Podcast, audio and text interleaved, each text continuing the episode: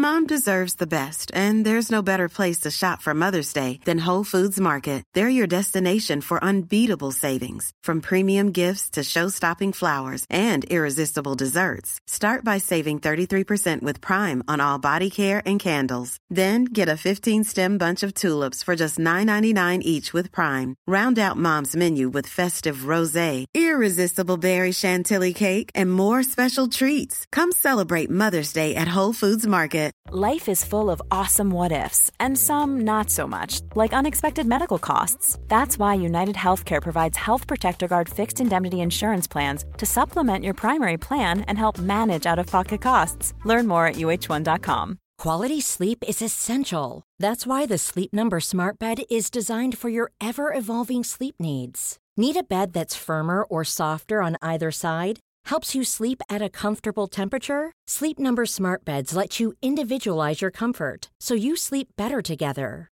JD Power ranks Sleep Number number 1 in customer satisfaction with mattresses purchased in-store. And now, save 50% on the Sleep Number limited edition Smart Bed for a limited time. For JD Power 2023 award information, visit jdpower.com/awards. Only at a Sleep Number store or sleepnumber.com.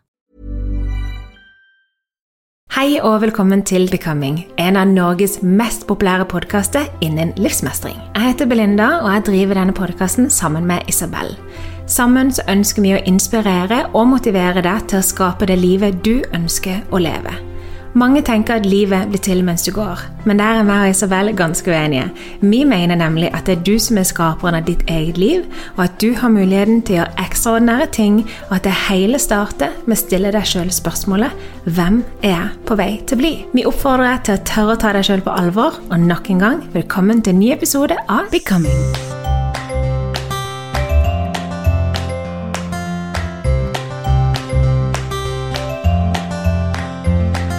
Velkommen til en ny episode av Becoming. I dag skal vi snakke om noe så deilig som kritikk. Hvor god er du til å ta imot kritikk, og hvor ofte gir du det til andre? Kritikk kan være så mye. Det kan være et lite blikk, det kan være noe som er usagt, eller det kan være en direkte kritisk handling.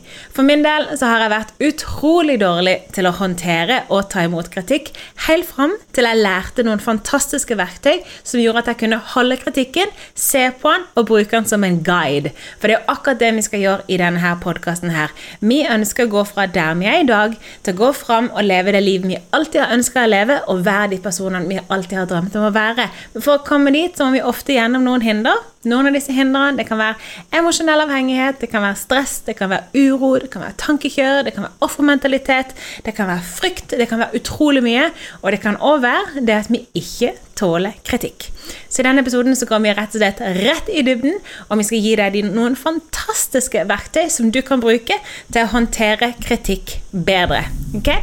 Velkommen til vår kjære fagekspert på emnet, Isabel Engelhardt Corneliussen. How do you do?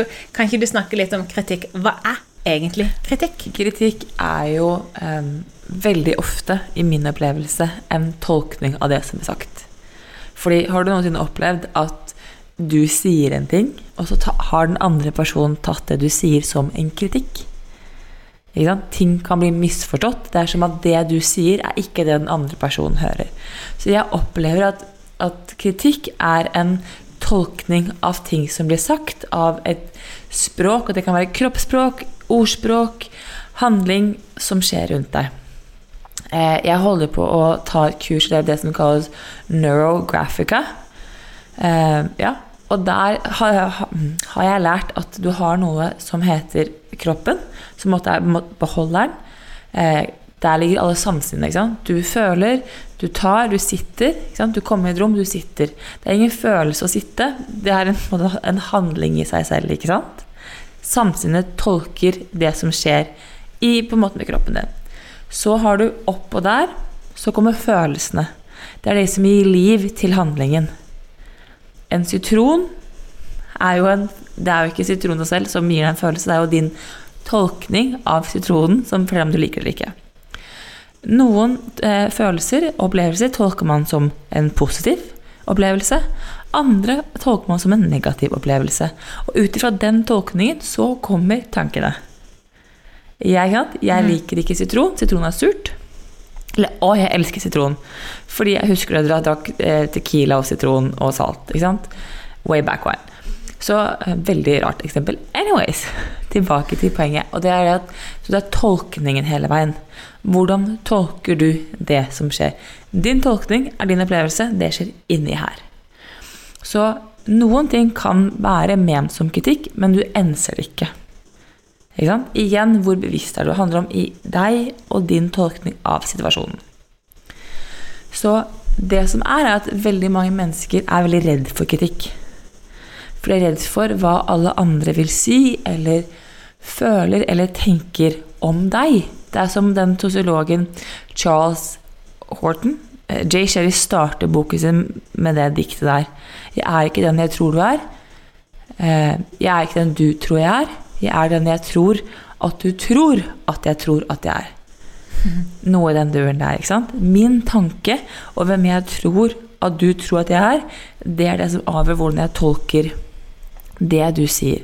Så har jeg, en, har jeg av mine følelser hatt en negativ tolkning av hvordan du ser på meg, så vil også det du sier, bli tolket i den sjangeren der.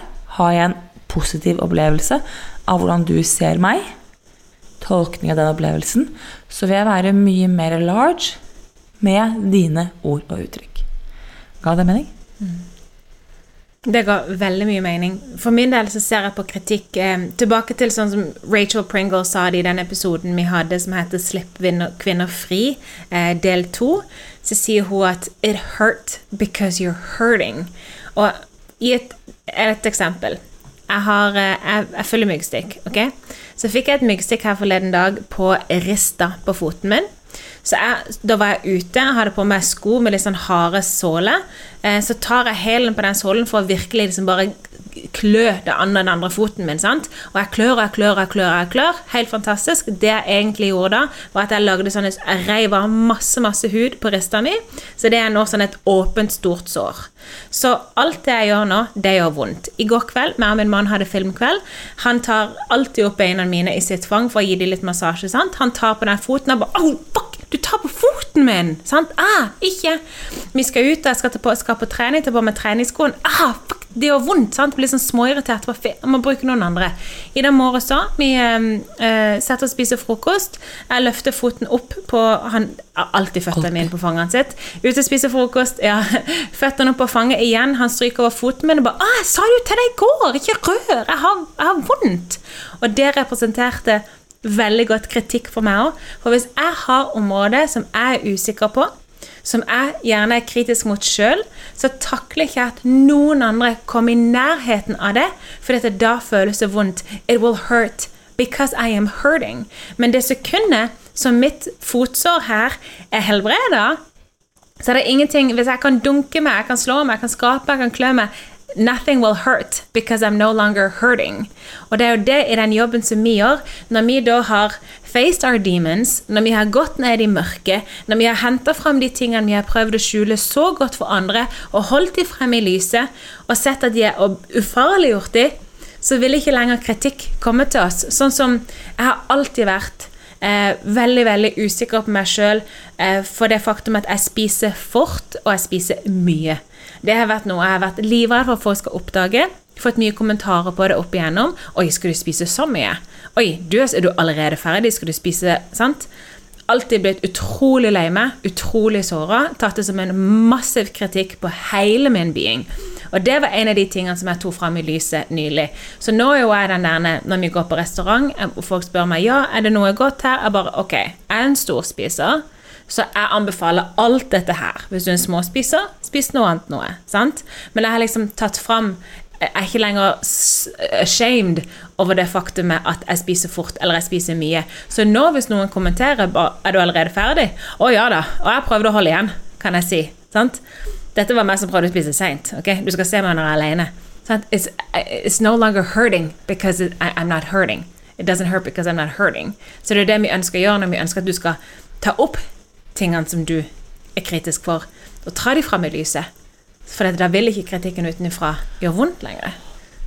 Jeg lærte av Marissa Pair for et par år siden. eh, For hun sa at eh, du hvis du mottar kritikk, og du opplever den, din opplevelse av kritikken, er at det er destruktiv kritikk. Fordi konstruktiv kritikk er også kalt tilbakemelding. Det er vi avhengig av. ikke sant?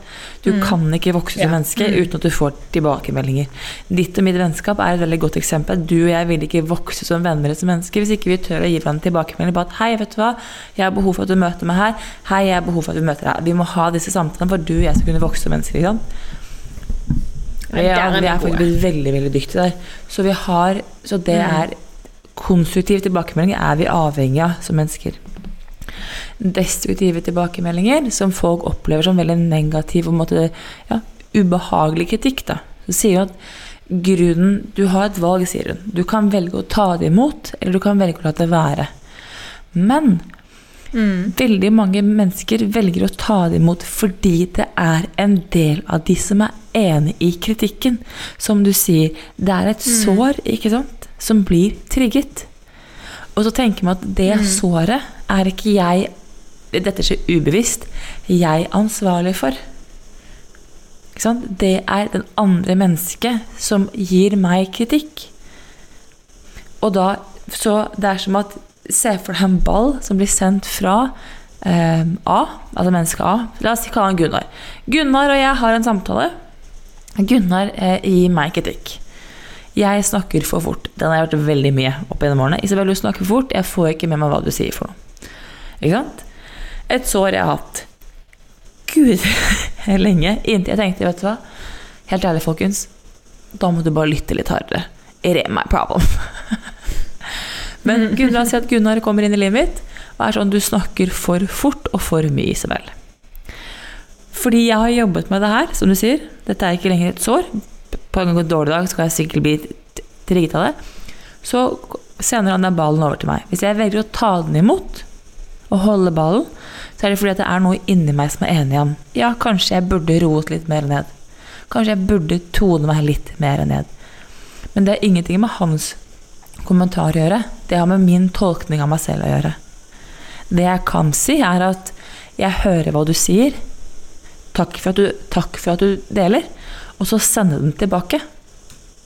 For hun sa at du har, du har liksom, Hun kalte det fire skritt. da. Hun sa veldig ofte hvis folk gir deg eller destruktiv kritikk, så si tusen takk. Takk for at du Takk. Anerkjenn at ikke, ikke svar på det, men anerkjenn at du fikk den. Takk. Fordi at du trenger ikke å ta den imot. Ikke gå i en kamp hvis ikke du må. Men hva gjør du hvis ehm, For veldig ofte hvis du, hvis du bare sier den takken, så, så ligger det bare inni der. Men så er det litt sånn irritasjon mot det mennesket. Du vet, jeg har hatt mange livet mitt som har behov for å kommentere veldig mye i mitt liv. Og du skal gi et lite tips om hva du kunne gjort istedenfor de gardinene? Eh, nei. Sant? Eh, og der har jeg også vært litt sånn eh, Ja, supert. Takk. Det, det, jeg- det tar jeg med meg. Men det det gjør, det lagres jo som en sånn irritasjon mot det mennesket. Så hvordan, hvordan unngår man den irritasjonen man får mot de menneskene som alltid skal gi så mye Og det er jo her, ikke sant. Vi var, kun, vi var kun på steg én, Belinda. Ja, ok. Ikke sant? Ja. Take me through. Ja. Yeah. Uh, det er tre steg. Steg to er at du sier Kan du gjenta det en gang til? For, slik at du kan bli For det som ofte skjer, er at hvis personen må gjenta det Altså, vi er jo ikke med. Vi som mennesker er flokkdyr, husk på det. Vi er flokkdyr, vi er avhengig av hverandre. Vi er veldig sosiale med altså, social beings. Vi er avhengig av kontakt og nærhet med hverandre for å overleve genetisk som, som en, en rase og et slag på denne jorden her, ikke sant? Så vi er egentlig ikke ment til å skulle skade eller ja, skade hverandre eller drepe hverandre. Det skjer fordi vi har, vi har begynt å distansere oss. Så veldig ofte så sier folk ting de ikke helt er klar over at de sier. Man, ikke, man skjønner ikke alltid hva man sier. Man sier ut, ting uten å tenke. Jeg har hatt en tendens til å snakke uten å tenke over hva som faktisk blir sagt. Så hvis du ber vedkommende om å gjenta det de sier, kanskje de selv vil høre at det kommer ut litt feil. Ikke sant? Å ja. Eh, si det en gang til. Hørte jeg deg riktig? Hvis du ber de, da repeterer du, for da er du sikker på at ok, da vet du at det de sier, er faktisk det de sier. Skjønner du meg? For veldig ofte så kan du Jeg si en ting, og du høre noe. Jeg elsker jo at um, Brené Brown snakker om det i bøkene sine, at på et eller annet sted mellom det jeg sier og det du hører, så er det et gap. Hvis du er usikker på hva som er sagt, be om en repetisjon. Da er du sikker på. Husker du, husker du på college Vi gikk jo på Både meg og Isabella har gått på Cal State University i San Marcos i California. Og vi har hatt mange av de samme fagene. Og der også var det jo en egen modell fra avsender til mottaker. Og innimellom der så er jo et helt liv. Sant? Og det livet, med alt det det mennesket har oppnådd, det vil endre seg fra, fra avsender til mottaker. Veldig interessant. Og akkurat den, den singen du forklarer om forteller om akkurat nå, det opplevde jeg for noen dager siden, fordi jeg var så heldig å ha min søster her på besøk hos meg i, i Stavanger. Og hun er i Spania, fra Stavanger i Spania. Og hun er jo eh, min søster, vi har det veldig hyggelig, men i tillegg til det så er hun interiørkonsulent, og er en av de få som, eller er en av de som ønsker å ha et utrolig flott hjem, men jeg har null interesse for interiør, så jeg hyrer hun til å gjøre jobben. Så hun hjelper meg med, med eh, å plassere de tingene jeg allerede har, hun hjelper meg med innkjøpsliste, liksom hva er basics som jeg burde ha akkurat nå, hva bør jeg tenke på til forskjellige eventer, hva bør jeg, ja, sånn innkjøpsliste frem i tid for å unngå bomkjøp. Det var liksom snikreklame for min søster Cecilie, hun er helt amazing. Men um, med det sagt, så når hun kom nå til Spania, så skulle vi snakke om soverom. Vi skulle lage en fremsiktig plan på hva slags innkjøp jeg skal gjøre de neste eh, månedene for soverommet vårt. Eh, på soverommet vårt i dag så er det bare kaos. Der har jeg satt opp en, em, en pult som egentlig var min bonusdatter sin, bare fordi jeg trengte en plass å sitte og gjøre noe sminke. Jeg har bare tatt en spisestol spisestuestol um, fra nede og satt den opp der for å ha noe å sitte på. Uh, jeg har en TV-benk uten noen TV, sant? en sofa som sto igjen her. Altså bare kaos. Så jeg hadde gitt beskjed til Cecilie flere ganger at em, det som står, skulle aldri være her. Så du kan bare, bare liksom slette. Du trenger ikke spørre meg om, om, om vi kan ta ut noe. eller der, for Det som står her, skulle aldri være her. Det er bare for jeg har ingenting annet. sant? Og ja, ok, men det er tipp topp. Og så begynner vi å lage innkjøpslister. Så um, står vi på Vi rundt på forskjellige interiørbutikker for å kikke.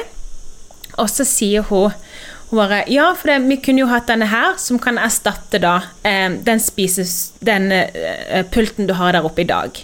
Og så kan vi ha denne stolen, som kan erstatte den stolen du har i dag. Og så kikker hun på meg, så sier hun, for det som står der nå, er jo ikke helt Og da kjente jeg bare ding, ding, ding, ding, ding, ding, ding. Det trigga i hele meg. Så kjente jeg ble varm, og så stoppa jeg, og sa OK, Cecilie. ehm, dette er saken. Eh, jeg har en podkast innen livsmestring. Vi har deadline eh, veldig straks. Eh, bok innen livsmestring. Alt det vi gjør for tida, det å føle og analysere alt det vi gjør. Så jeg må nødt til å bare stoppe deg opp nå og gi deg en av mine følelser. Nå føler jeg ansiktsuttrykket ditt og det du gjorde der, som en massiv kritikk for at du er eh, du er flink på interiør, jeg ikke. Jeg føler at du ikke hørte meg når jeg sa at det som var plassert oppe på soverommet, det skulle ikke stå der. Det var bare for jeg har ingenting annet. Føler jeg at du trodde at jeg hadde gjort det for at det skulle være pent, og da føler jeg meg veldig liten i forhold til deg. Så nå måtte jeg bare si det. Så jeg du må ikke gjøre sånn. Du må, du må ikke si mer at det ikke noe fint det som står der, for det skulle aldri stå der. Sant? For nå følte jeg at hun var så høyt opp med interiør at det var stakkars Belinda har prøvd å gjøre det så godt hun kunne. Sant? Så følte jeg meg så liten. Så jeg kikket opp med henne bare 'Nå overanalyserer du, Belinda'. Jeg bare, ja, jeg er klar over at jeg overanalyserer, men jeg har ikke råd, jeg har ikke plass i meg til å håndtere en eneste ekstra følelse. Alt må stoppes, og alt må ut med en gang. Så der var det jo selvfølgelig ekstremt trygg ramme. Det endte jo med at vi bare lo av det, og eh, alt, det gikk jo veldig greit. Men, men, men, men det er jo Noen ganger det kan komme fra det minste lille ting. Og så vil jeg bare si at det å overanalysere kan virke veldig krung, eller tungvint. Er det ordet jeg leter? Tungvint der og da. Men fy fader, det gir uttelling etter hvert, altså. Ja, det gjør. Man blir så veldig godt kjent med seg sjøl og så er det at. Du går ikke og bærer det naget du ellers hadde, hadde båret til henne. Hadde det ikke vært for det faktum Mm. at du faktisk tør å ta det. Folk er så redd fordi det er sånn, Mm. men da overanalyserer du. Nei. Jeg tar meg og mine følelser og mine behov på alvor. Det er det jeg gjør. Og bare det å tørre å gjøre det, så tillater jeg meg selv også det. Den friheten det vil være at den følelsen får ikke lov å sette, sette i kroppen. Jeg lærer å uttrykke meg. Punktum. Så kudos deg. Tilbake til Ja, jeg følte meg ganske kul der. eh, Hun var veldig sånn der, God damn. Sant, den eh, der eh, Wow, ok, yes. Tilbake til eh, steg nummer tre. Steg nummer én har da vært for å oppsummere har vært å si takk. Tusen takk. La det være. Hvis, det måte, hvis det er eh, litt vondere, så kan du liksom da si eh, Kan du gjenta det en gang til? Steg nummer tre er rett og slett å si, som du sier Har du et ønske om å såre meg? Fordi jeg opplever at du forteller meg noe. Det oppleves veldig som en konstruktiv nei, som en destruktiv kritikk. Det oppleves som kritikk og negativitet. Er det din intensjon? Ved å spørre om intensjonen, ikke ordet og ikke ordbruken, men intensjonen til personen, hadde jeg spurt Gunnar Gunnar? Han som sendte meg ballen, når jeg spør om intensjonen, så spør jeg hva er grunnen til at du kaster ballen til meg? Da kan du begynne å, å, å måtte løse opp i ok, dette Gunnar sier, det Cecilie sa, din opplevelse, Cecilie, eller verden generelt, betyr ikke at den setningen der er ment å såre deg.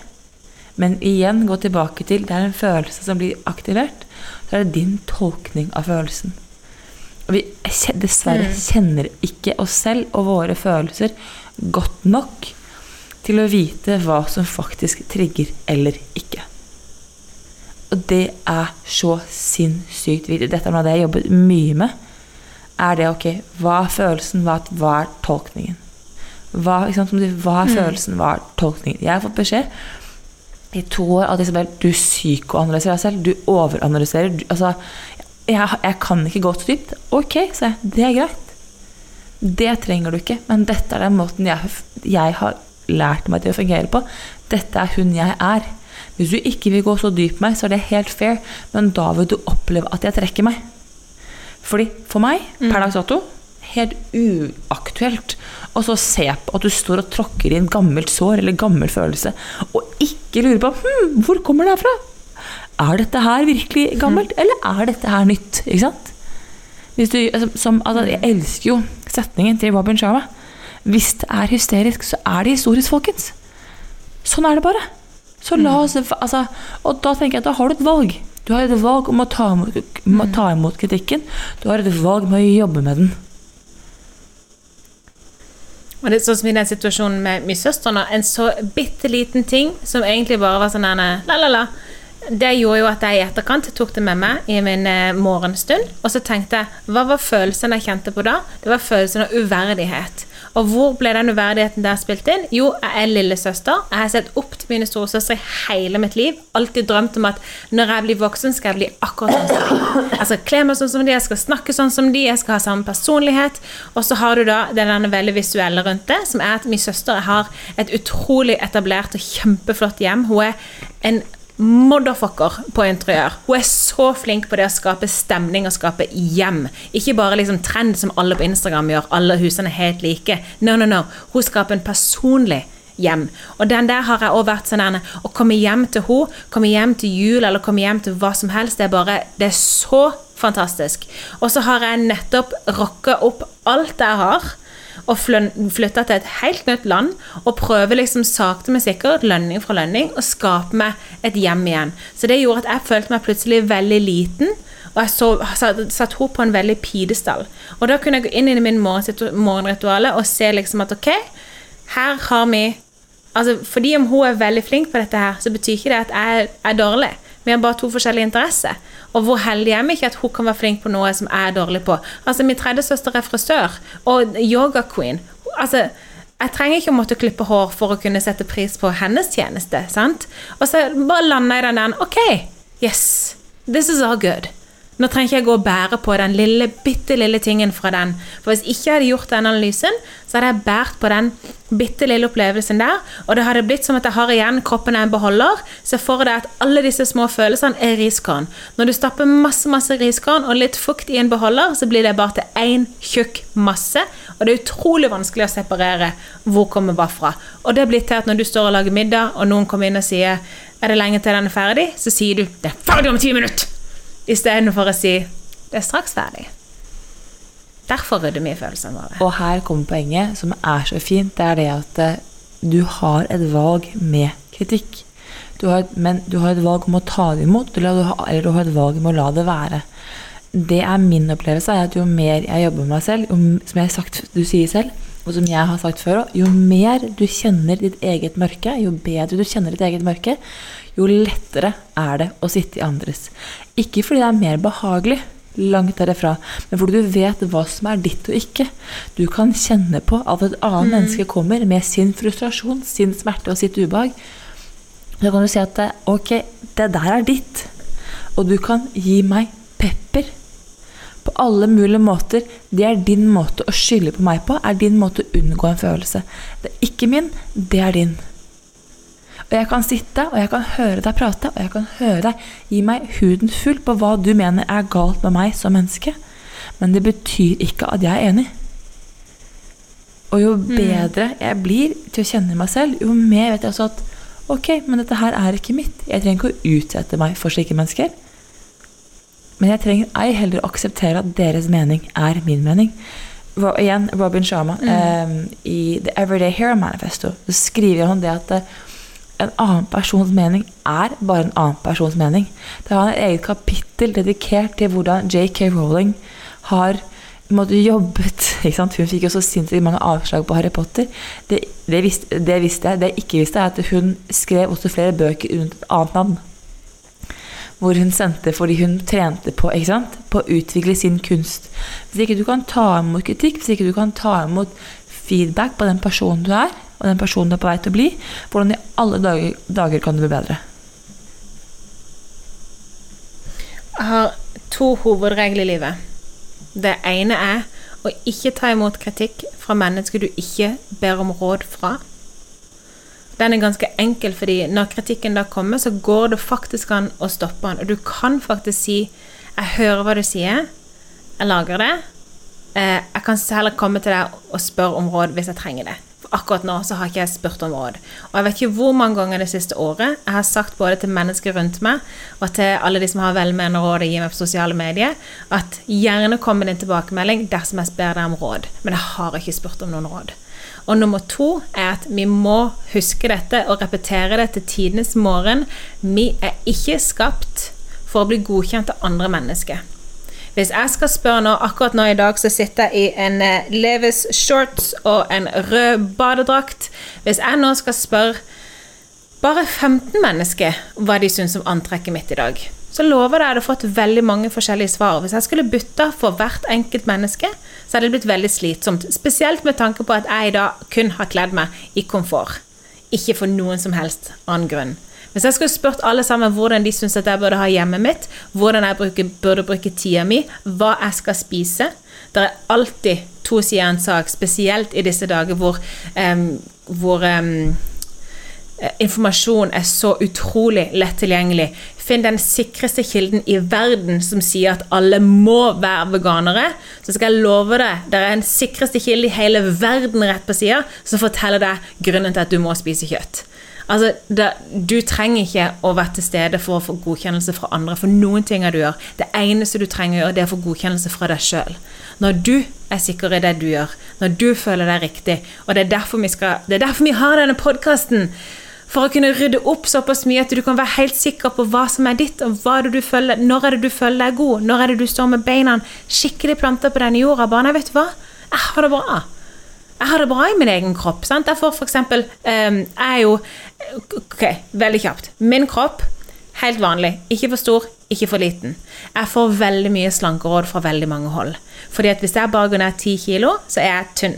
Og hvis jeg er tynn, da er jeg suksessfull, og da har jeg oppnådd det som livet handler om, som er å være tynn. For veldig, veldig mange. Og jeg vet ikke hvordan jeg skal forklare det nok ganger til de som kommer til meg med bare sånn 'Å, jeg liksom leste den artikkelen.' 'Å, hvis vi kutter ut denne.' Å, eller 'Å, skal vi prøve dette her?' At vet du noe, jeg har det bra i den kroppen jeg er i. Tro det eller ei. Ja, magen stikker litt ut. Ja, det er litt cellulitt der. Og ja, han er god å ta i, men jeg har det bra i min kropp. Jeg trives. Jeg har det fint. Jeg har ikke spurt deg om noe slankeråd. Kan ikke jeg bare få lov til å være lykkelig? Og folk er sånn What? Men du kan jo bli så mye bedre. Men jeg har ikke behov for å bli bedre. Bedre for hvem? Min mann elsker meg akkurat som jeg. Jeg elsker meg akkurat som jeg. Mine tantebarn elsker meg akkurat som jeg. Hvorfor kan jeg ikke bare være? Og der har du noe jeg har lyst til å si. Jeg elsker at du sier det, men jeg har lyst til å si noe fordi en av de tingene jeg tror for veldig mange sliter med, uten å være klar over det, er at de har et ekstremt behov for å ha rett. Det er veldig mange mennesker som er villige til å gå veldig langt for å ha rett. Ikke sant? Ja, men jeg vet jeg har rett, Isabel. Ja, men Lina, du hadde jo vært suksessfull hvis du bare hadde gått ned ti kilo. Ja, du kan elske deg selv, det er greit nok, det. Ikke sant? Å, du hadde vært Ja. som en modell. Og det kan godt hende at de har rett. Men Ikke sant? Dette er veldig viktig. Men til hvilken pris? Hva er prisen du betaler for det? Og jeg hadde en, en um, roommate jeg bodde i New York, som het uh, Derek, som var helt rå.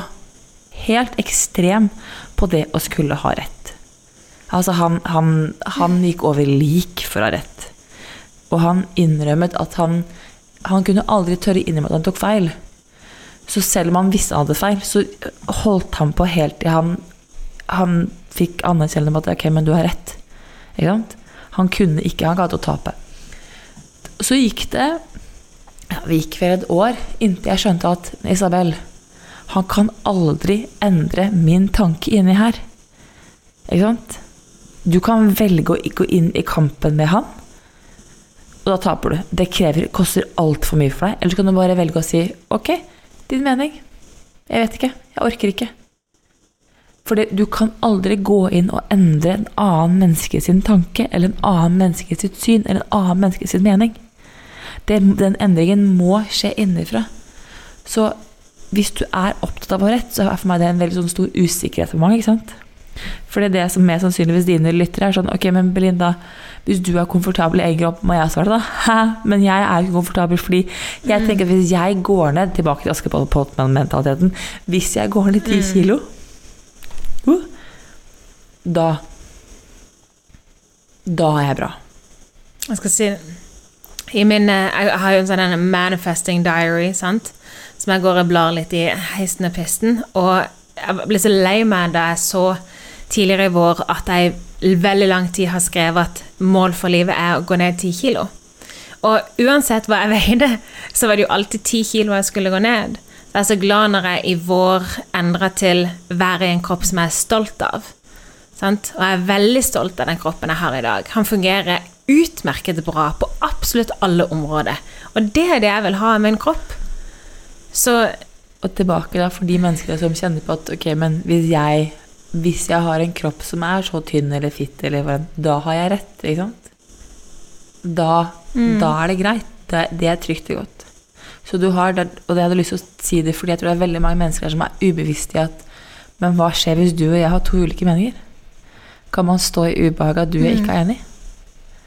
Fordi veldig ofte i det ubehaget der, det er der kritikken kommer. Der smeller den. Og der skyter fra hofta, folkens. Jeg har vært en racer på det. Dung, dung, dung, dung, dung, ikke sant? Gått i krig med meg. Og jeg, altså, Ja, jeg, jeg pleier å si at alle mennesker har et våpen. Som når vi blir frustrerte og sinte, som vi tar frem. ikke sant? Noen mennesker tar frem en kniv, og de måtte såre deg som små stikk hele tiden. Ikke sant? Litt som The Joker. Eh, og så har du de som måtte ta en bombe, smeller, boff. Personlig så er jeg Tony Montana i Scarface. Og så tar jeg fra maskingeværet. Så det er bare sånn drrrr, Ikke sant? Altså, jeg, du skal ikke overleve, da. Jeg bare tar alle. Totalt. Altså sånn I'm losing it.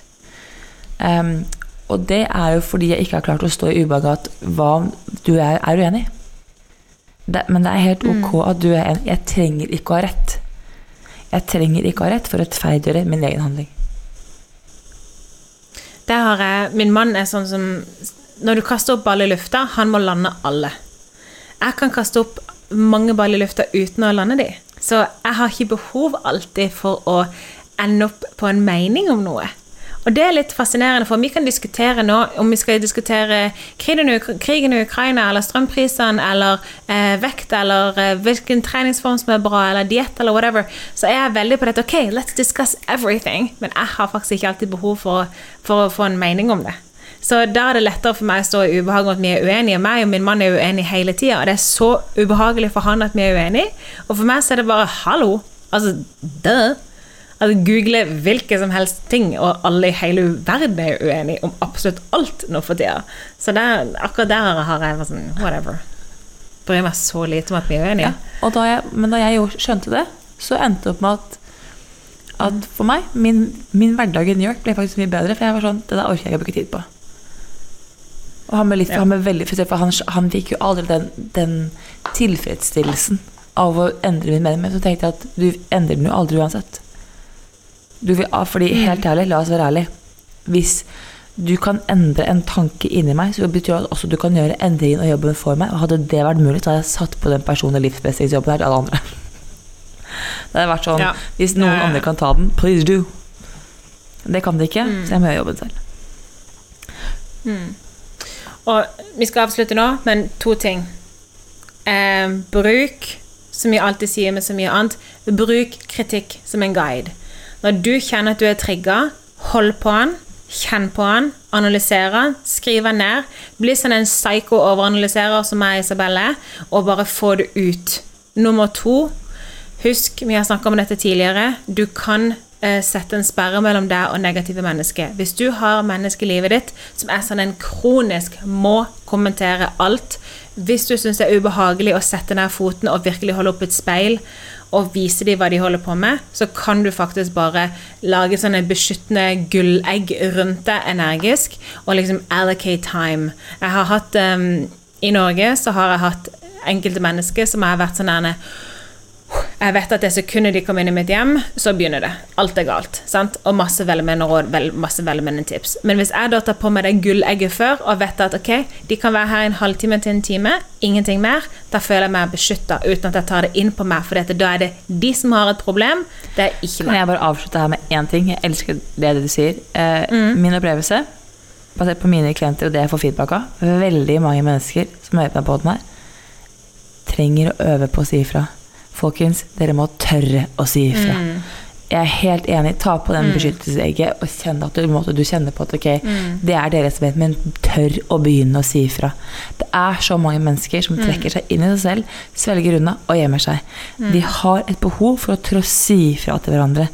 Hvis du skal komme til det punktet hvor du kan tørre å uttrykke dine behov, og komme og begynne å over, Og, det- overanalysere deg, og kjenne på kraften det vil si, så må du også tørre å ta den kampen i å stå i ubehaget med andre mennesker og kjempe litt for deg selv. Altså.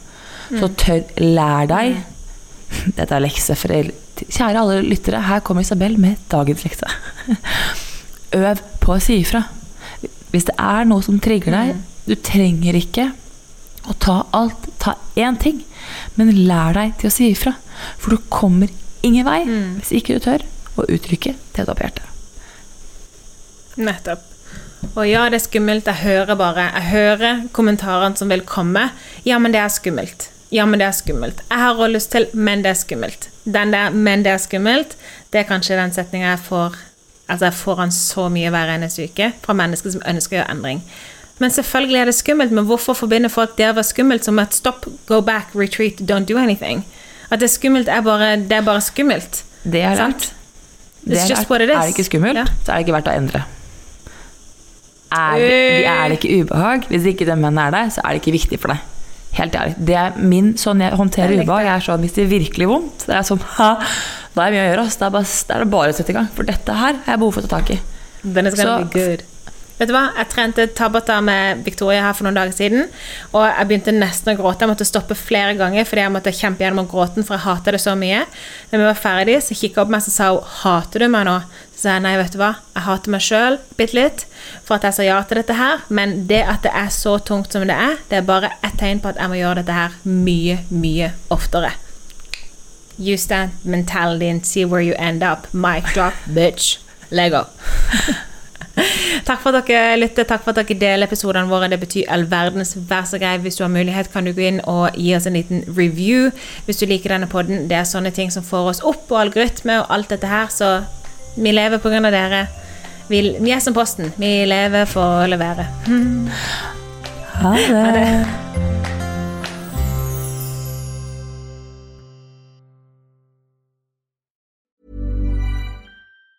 Hi, I'm Daniel, founder of Pretty Litter. Did you know cats tend to hide symptoms of sickness and pain? I learned this the hard way after losing my cat, Gingy. So I created Pretty Litter, a health monitoring litter that helps detect early signs of illness by changing colors, saving you money and potentially your cat's life. Pretty Litter is veterinarian developed, and it's the easiest way to keep tabs on your fur baby's health right at home. Go to prettylitter.com and use code ACAST for 20% off your first order and a free cat toy. Terms and conditions apply. See site for details. Planning for your next trip?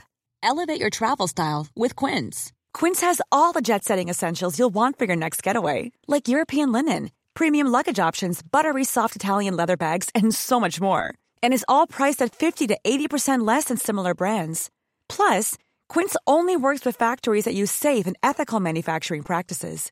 Pack your bags with high-quality essentials you'll be wearing for vacations to come with Quince. Go to quince.com slash pack for free shipping and 365-day returns. Planning for your next trip? Elevate your travel style with Quince. Quince has all the jet-setting essentials you'll want for your next getaway, like European linen, premium luggage options, buttery soft Italian leather bags, and so much more. And is all priced at 50 to 80% less than similar brands. Plus, Quince only works with factories that use safe and ethical manufacturing practices. Pack your bags with high-quality essentials you'll be wearing for vacations to come with Quince. Go to quince.com slash pack for free shipping and 365-day returns. Imagine the softest sheets you've ever felt. Now imagine them getting even softer over time. That's what you'll feel with Bowl and Branch's organic cotton sheets. In a recent customer survey, 96% replied that Bowl and Branch sheets get softer with every wash. Start getting your best night's sleep in these sheets that get softer and softer for years to come. Try their sheets with a 30-night guarantee. Plus, get 15% off your first order at bowlandbranch.com. Code BUTTERY. Exclusions apply. See site for details. Mom deserves the best, and there's no better place to shop for Mother's Day than Whole Foods Market. They're your destination for unbeatable savings, from premium gifts to show-stopping flowers and irresistible desserts. Start by saving 33% with Prime on all body care and candles. Then get a 15-stem bunch of tulips for just $9.99 each with Prime. Round out Mom's menu with festive rosé, irresistible berry chantilly cake, and more special treats. Come celebrate Mother's Day at Whole Foods Market.